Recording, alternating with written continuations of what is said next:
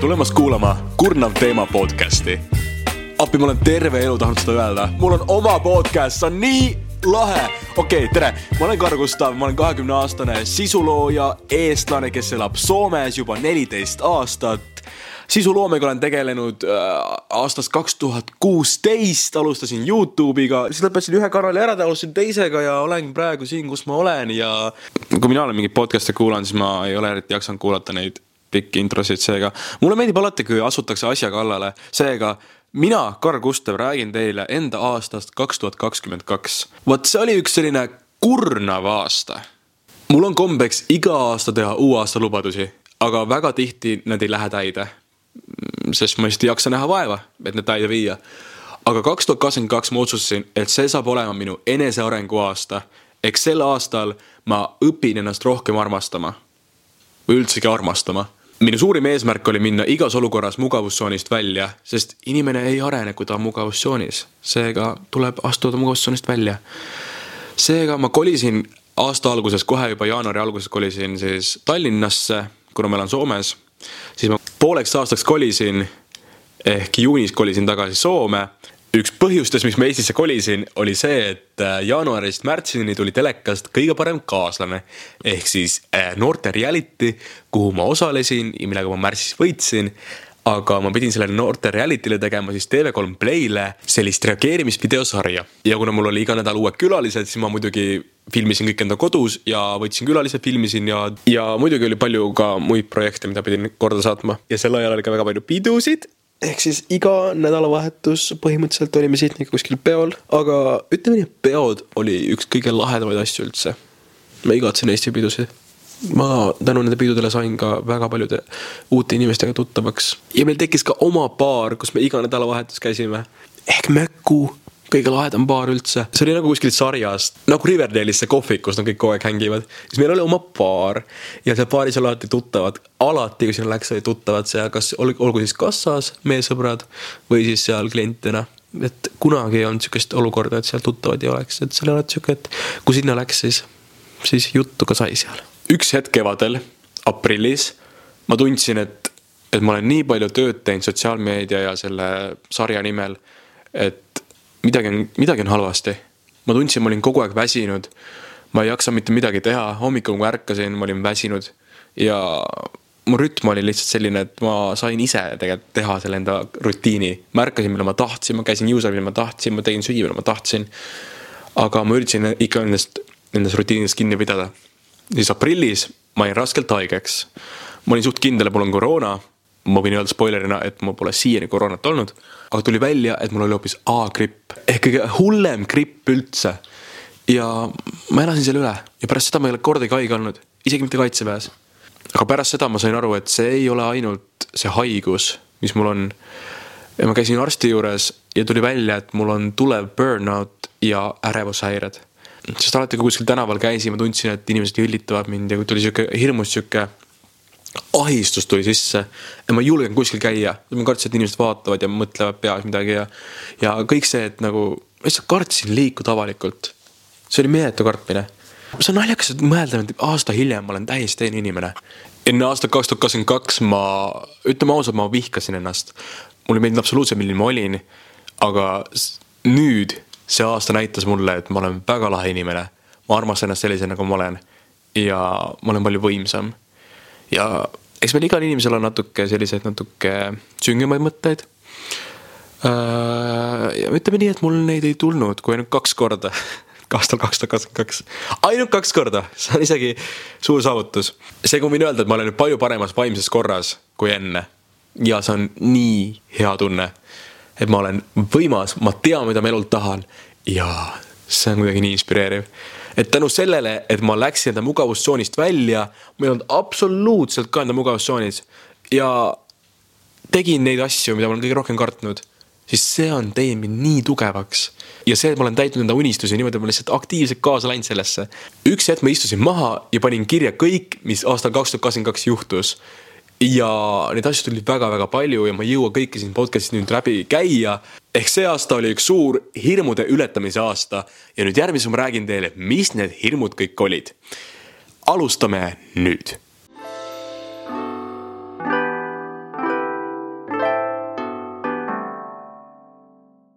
kuna ma elasin Soomes vanemate juures, siis muidugi selline üksinda kolimine tundus sihuke väga lahe ja iseseisev tegevus. ja siis muidugi pidin hästi palju süüa ise tegema ja ma üritasin toituda võimalikult tervislikult, et väga vähe ma üldse mingeid maiustusi sõin et pigem oli alati mingi salat ja kana ja, ja mingid siuksed juurviljad, puuviljad ja vitamiinid ja värki, et see oli, ma olin päris uhkenud üle ja ma suutsin nagu reaalselt nii tervislikult toituda. ja no kõige rohkem mul läkski vist üldse elamisel raha siis söögi peale jaa, ma käisin peaaegu iga päev poes, ma ei suuda meal prep ida. ja ma teeksin mingi pühapäeval terve nädala söögid valmis, ma ei suutnud seda, ma iga, iga päev käisin poes ja mul läks mingi kakskümmend euri vist iga päev. Ehk siis nagu suurim selline mistake nii-öelda oli võib-olla see, et ma lasin rahal lihtsalt minna, siis ma mõtlesin, et okei okay, üksinda elamine ongi vist see, et ma pean tegema selliseid kulutusi, kuigi ma oleks võinud teha palju soodsamaid kulutusi. siis ma noh, tegin nii, et ostsin iga päev süüa ja nautisin ja elasin ja, aga no vähemalt Eestis on natuke soodsamad hinnad kui Soomes, aga mitte nüüd, mitte nüüd väga kohe, kui ma olin kolinud, ma tegin endale MyFitnessisse ka jõusaali ja kuna ma ei oska teha nende asjadega mitte midagi seal, siis ma võtsin enda personaaltreeneri. algselt ma tahtsin ühte teist personaaltreenerit, aga ta ei vastanud mu kirjadele ja lõpuks ütles, et ta, et tal ikka ei ole aega minu jaoks, seega ma võtsin ühe Diana Mogise, shout out talle üks Eesti parimatest personaaltreeneritest, meil oli iga kord, kui me temaga kohtusime, oli meeletult lõbus, ma alguses kartsin meeletult, et issand, et inimene vaatab, ma ei oska midagi teha, et ma, ma reaalselt kardan. Et ma kardan seal olla, inimesed vaatavad, ma vajan abi millegiga, et nagu see tundus minu jaoks, ma ei tea, kuidagi piinlik, ma ei tea, miks. aga siis Diana abistas mind, aitas mind iga asjaga, filmis ja näitas pärast, et kuidas nagu ma enda neid liigutusi teen valesti, et kuidas ma peaksin õigemini tegema neid ja ma õppisin reaalselt tegema. jõusaalid on tegelikult olnud kõige suurem hirm mulle. ma olen kogu aeg kartnud lihtsalt jõusaali nii meeletult, ma ei tea, mis selles on nii hirmsat, aga võib-olla see, et, et inimesed vaatavad, kus teeb mingeid liigutusi valesti, sa kardad seda, et inimesed õllitavad sind. ma ei tea, kuidagi see, et ma, ma reaalselt ei julge jõusaalis midagi teha, sest ma kardan, ma teen midagi valesti. inimesed naeravad, inimesed naeravad mu peale ja ma ei tea see on õudne. ja pärast seda poolt aastat jõusaalis käimist, muidugi ma olin Soomes ka varem jõu, jõusaalis käinud, aga mitte nüüd nagu nii personaaltreeneriga nii aktiivselt. Aga pärast seda poolt aastat siis ega see hirm jõusaalide vastu ikka üle ei läinud. ikka tänase päevani ma kardan meeletult jõusaale. ja ega see odav lõbu ka ei olnud, see oli mingi kuuskümmend euri kuus. ehk siis ma olen pankrotis. no tervise ma sain enam-vähem paika, kuid ega aasta lõpuks ikkagi see kuidagi parem ei ole. mu keha ei ole sellises vormis, nagu ma ikka tahaksin, et, et see oleks. jaanuaris mulle tundus, et aasta lõpus mu keha on selline musklis, mul on six-pack, värgid, särgid, aga no olgem ausad. see six-pack on olnud mingi neli aastat mu aasta eesmärk ja see pole siiani täide läinud aga noh, täiesti suva, ma olen vaeva näinud, ma olen, üritan vähemalt anda endast parima. no ei ole keha sellisesse ideaalvormi saanud, nagu ma tahaks, et see oleks, aga ma olen, see, mida ma õppisin sel aastal, on see, et ma olen enda kehaga rahul. ma julgen olla ilma särgita, ma julgen olla. Ma ei pea mõtlema enda keha peale, võib-olla nagu see on suurim asi, mida ma õppisin sellest üldse. et vahet ei ole, milline ma välja näen, ma näen enda meelest hea välja. nagu ükskõik, ma olen siin maailmas enda pärast, mitte teiste pärast. ja see on võib-olla selline suurim asi, mida ma selle treeninguga ja tervisliku toitumisega õppisin. vahet ei ole, et ma aasta lõpus ei näinud välja selline, nagu ma tahtsin näha, aga peaasi on see, et ma olen endaga rahul. ja ma olen nii õnnelik sellele. Ma mõtlesin pikalt, kas ma räägin seda või ei räägi, aga ma vist ikkagi räägin. minuga samas jõusaalis käis selline artist nagu Villem Trillem äh,. muidugi ma ise fännan ka Villemi muusikat ja mul on tunne, et ta vist isegi teab, kes ma olen sest äh, ma olen näinud, et ta stalgib mu Instagrami story sid. ja iga kord, põhimõtteliselt reaalselt iga kord, kui ma käisin jõusaalis, oli Villem Trillem seal. me sündis äh, üsna mitu korda silmside ja me hakkasime seda silmsidet vältima kuna kumbki tere ei öelnud. sest ma ei ole ikka saanud elus aru, kas ma pean ütlema tere sellistele võõrastele inimestele, kes nagu mõlemad me teame üksteist, aga me ei tunne otseselt. kas siis peab sellistele inimestele tere ütlema või mitte? noh, üks päev ma otsustasin, et Karl, sa pead nüüd talle tere ütlema. ja tuligi ette olukord, kus me läksime viskama mõlemad pabereid prügikasti.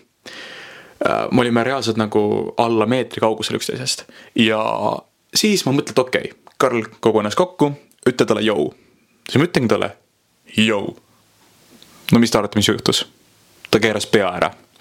no tal oli muusika arvatavasti kõrvades, ta ei kuulnud võib-olla seda, aga oleks siis võinud vähemalt mulle ka jõu öelda, kui ma olin ta kõrval seal.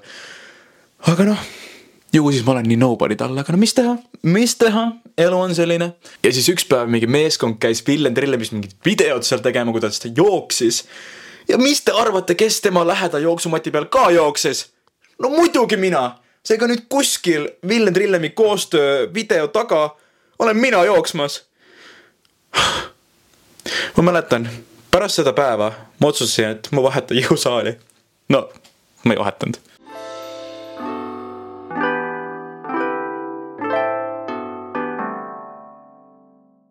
Ma ei tea, kuidas te võtate seda, kui ma ütlen teile, et ma olen alati tahtnud lauljaks saada.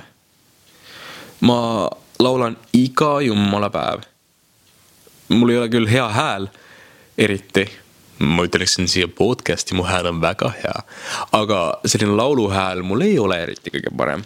Ja muidugi mu enesehinnangut on mõjutanud ka see, et kõik on öelnud mulle, et Karl, sul ei ole muusikalist talenti, et ära laula, et, et Karl, see ei ole sinu teema.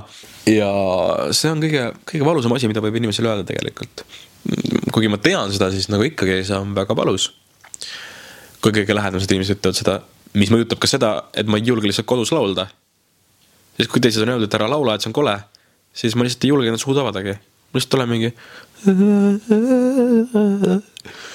Et see mõjutab meeletu keegi, ma ei saa aru, miks on vaja öelda, et sa ei oska laulda. nagu no shit, ma ei oska laulda, aga anna, lase mul lihtsalt laulda. tore tegevus, eks ole no igatahes mina panin kivi kotti, ma ei tea, kas see on õigesti öeldud siin selles kontekstis, aga panin kivid kotti ja läksin siis äh, laulutrenni. ma hakkasin laulutundides käima. Seega ma kirjutasin Kaarel Orumäele ja panime tunnid paika. nägime iga esmaspäeva õhtul, tund aega laulisime ja ma väga kartsin esimest laulutundi sest viimati, kui ma laulsin kellelegi, see oli mingis kolmandas klassis, kui ma õpetajale laulsin Muumioru lugude seda tunnusmuusikat. ja ma kartsin meeletult ka seda. ja siis see õpetaja kolmandas klassis ütles mulle, et kuule, Karl, kas sa kuskil poistekoori ei tahagi minna või? Ma mäletan, see oli kõige suurem kompliment mulle sel ajal, ma olin nagu vau wow,, poistekoori, mina ta ütles mulle, et kas ma võiksin poistekoori minna, vau. ta kindlasti paljudele ei ütle seda. ma kartsin Kaarlile laulda alguses, aga siis me võtsime mingi muusikaliloo ja laulsin seda ja ta ütles, et mul on väga selline madal ja väga tugev hääl kuidagi. et, äh, et täiesti hukka mind ei ole heidetud, et minust saab natuke asja, eriti muusikalides saaks asja no igatahes ma käisin kaks kuud laulutundides ja ma sain laulmise hirmust natuke üle. et nüüd ma julgen karaoket laulda pidudel ja korralikult hullu panna lauldes. seega me enam seda nii ei häbene.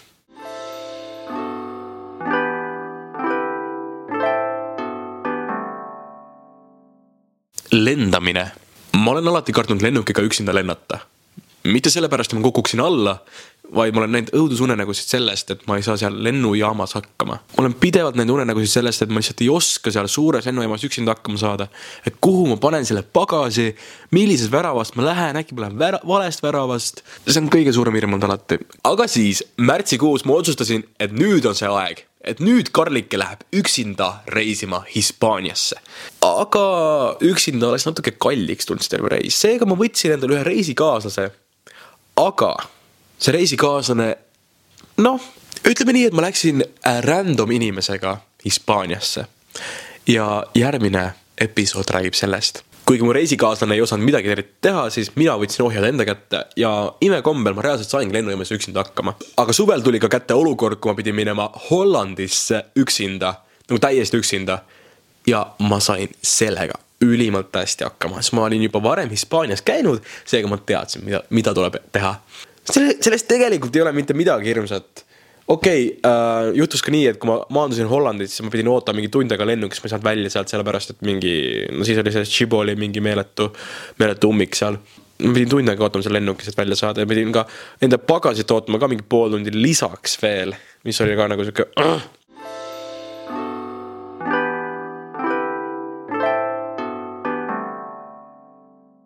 Inglise keel see on keel, mida ma olen alati kartnud kasutada. alati, kui tänaval on inimene tulnud vastu ja küsinud mu käest midagi, ma ei ole kunagi osanud vastata normaalselt midagi, ma olen nagu äh, äh, äh, üritan vastata. algklassides inglise keel oli kõige hirmsam asi üldse. kui ma pidin mingit esitlust läbi viima inglise keeles, siis see oli väga-väga hirmus. gümnaasiumi lõpueksami ja harjutuseksamit tehes ma sain inglise keele eksamist I, mis on nagu mitte läbi. ja ma kartsin, et appi et nüüd, kui ma ei saagi inglise keelest läbi sealt päris eksamist, siis ma ei, ma ei lõpeta gümnaasiumiga ära. ja ma kartsin, ma reaalselt kukungi läbi sellest. no siis tuli eksam kätte, ma korralikult õppisin sellesse ja sain A. ehk siis nagu, mis on just piiri pealt läbi sellest eksamist. muidugi pärast gümnaasiumit, kui ma olin juba koolist välja saanud, ma käisin seda hinnet veel tõstmas, aga noh, A-sse püsis ja paremaks ei läinud, aga noh, vähemalt ma olen elust kaugele jõudnud ja saan inglise keelega väga hästi hakkama, kuigi ma eksamites ei ole nendes eriti hea. Äh, kuid siis äh, meil tuli koolis kümnendas klassis, gümnaasiumis tuli selline Hollandi vahetusprogramm ette, kus äh, ma sain nädalaks minna Hollandi perre elama ja hollandlane tuli meile elama nädalaks. ja see oli mu kõige suurem hirm sellepärast, et ma ei osanud kommunikeerida selle inimesega. nagu kui mu inglise keel oli halb, siis kuidas me nagu räägime selle inimesega, kui ta elab siin ja siis nagu, mis värk on. no ma võtsin selle challenge'i vastu, hollandlane tuli siia ja noh, meie pere ka väga hästi ei räägi inglise keelt, aga vähemalt nagu kuidagi saime hakkama. ja see, et ma sain nagu korragi rääkida inglise keeles nagu terve nädal aega järjest inimesega, kes elab siin minu juures, siis see arenes ja tänu sellele projektile ma õppisin inglise keelega paremini toime tulema ja ka niipidi see keel arenes, kui ma läksin sinna Hollandisse nende perre elama, siis muidugi seal tuli ka väga palju selliseid piinlikke olukordi, kus ema küsis mu käest midagi ja ma ei saanud küsimusest aru ja siis ma mingi vastasin uh. -huh. ja siis terve pere vaatas mind imeliku näoga. aga miks ma sellest inglise keelest nüüd niimoodi räägin, on see, et ma pidin Hollandis rääkima inglise keelt. mind ja Sydney kutsuti sinna European Influencers Academy'sse, ma räägin järgmises episoodis sellest rohkem. seal me pidime terve nädal rääkima inglise keeles ja ka esinema umbes alla sajale inimesele inglise keeles lava peal vastama küsimustele. ja ma pidin kandma intervjuu ajalehele. naljakas oli see, et ma oskasin, lambist ma oskasin. Need inglise keele testid, mis koolides olid ja ma olin kõigist peaaegu läbi kukkunud, ei olnud mitte midagi võrreldava sellega, kuidas ma esinesin ja kuidas ma reaalselt inglise keelt kasutasin. see, et koolis mu inglise keele hinded olid nii halvad, ei olnudki tegelikult see, et ma inglise keelt ei oskaks, vaid lihtsalt see, et ma ei osanud nagu inglise keelt kasutada kontrolltöödes et seal ma olin nagu halb, aga võib-olla see, et need koolitestid olid pannud mind uskuma, et ma ei oska inglise keelt. kuigi tegelikult ma oskan seda. seega, kui teil on ka mingi keel, mida te ei julge eriti kasutada, siis lihtsalt kasutage seda. suht sama mul oli soome keelega. kui ma kolisin kuueaastaselt Soome, siis ma ei osanud absoluutselt soome keelt. ma oskasin öelda ainult, et kissa, koira ja mina rakastan sinua. aga nüüd ma oskan soome keelt paremini kui eesti keelt ja, ja eksamites ma oskasin isegi paremini seda kui mõned päris soomlased seega soome keel on mul väga-väga suus.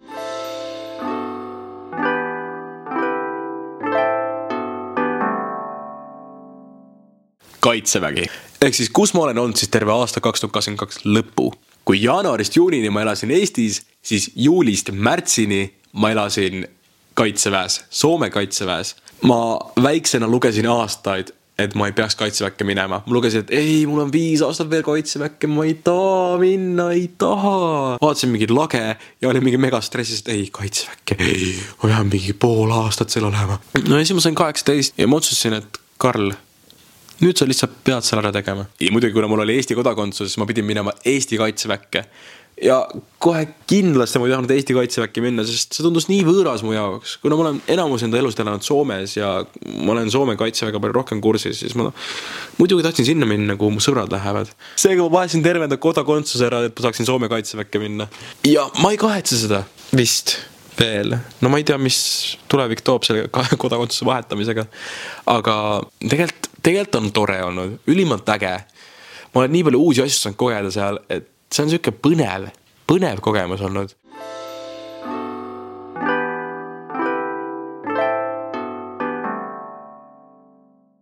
üks aasta eesmärkidest oli ka, et sel aastal ma mitte kedagi ei date'i.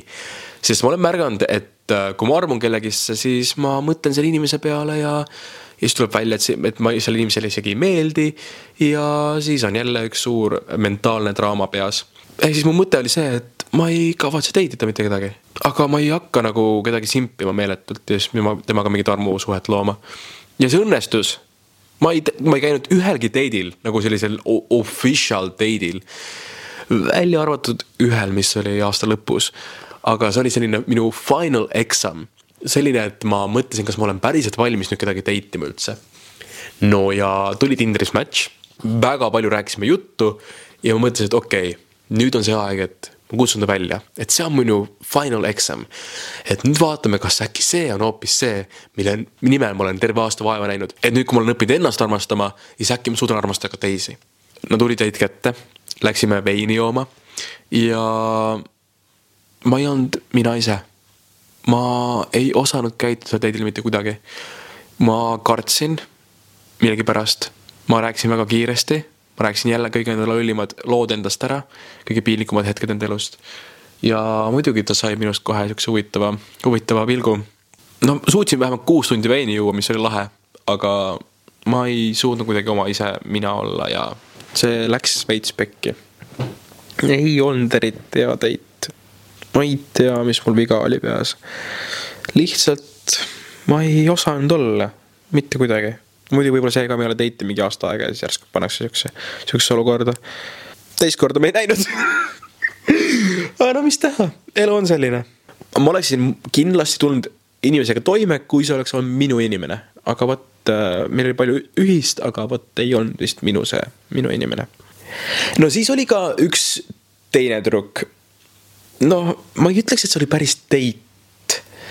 või no ma ei tea, me olime sõpradega ujumas ja järsku mu sõber oli kutsunud enda Tinder match'iga sinna.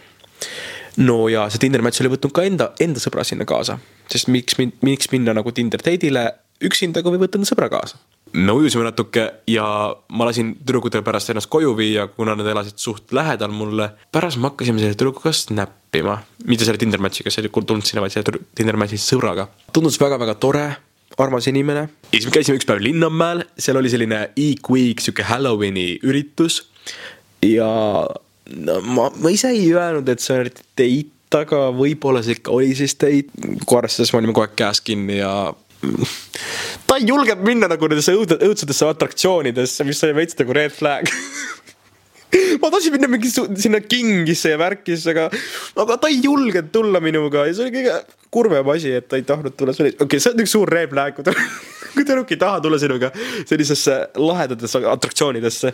selles tüdrukus oli kolm red flag'i. üks, ta kogu aeg vingus. kaks, ta tegi tupsu. ja kolm, ta oli suhtes. saad aru?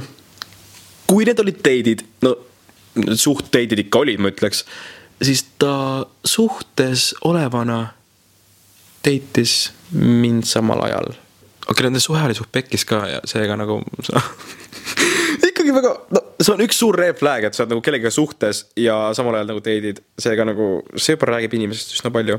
aga jah, kaks tuhat kakskümmend kolm hakkab nüüd täiesti vallalisena ja palju tervislikuma Karlina. Niimoodi meelelt tervislikuna, mitte noh, ärme mu sööki vaata, aga nagu meel on mul vähemalt väga tervislik ja ma olen enda elus praegu väga heas kohas. Ja mul on selleks aastaks väga lahedaid unistusi ja soove, mida ma kavatsen täide viia. aga aitäh, et olete podcast'iga kaasas ja järgmises episoodis me räägime siis rohkem reisimisest, äh, minu Hispaania seiklustest, kui ma rääkisin random inimesega sinna, kuidas mind Hollandi klubist välja visati. Ja eks ole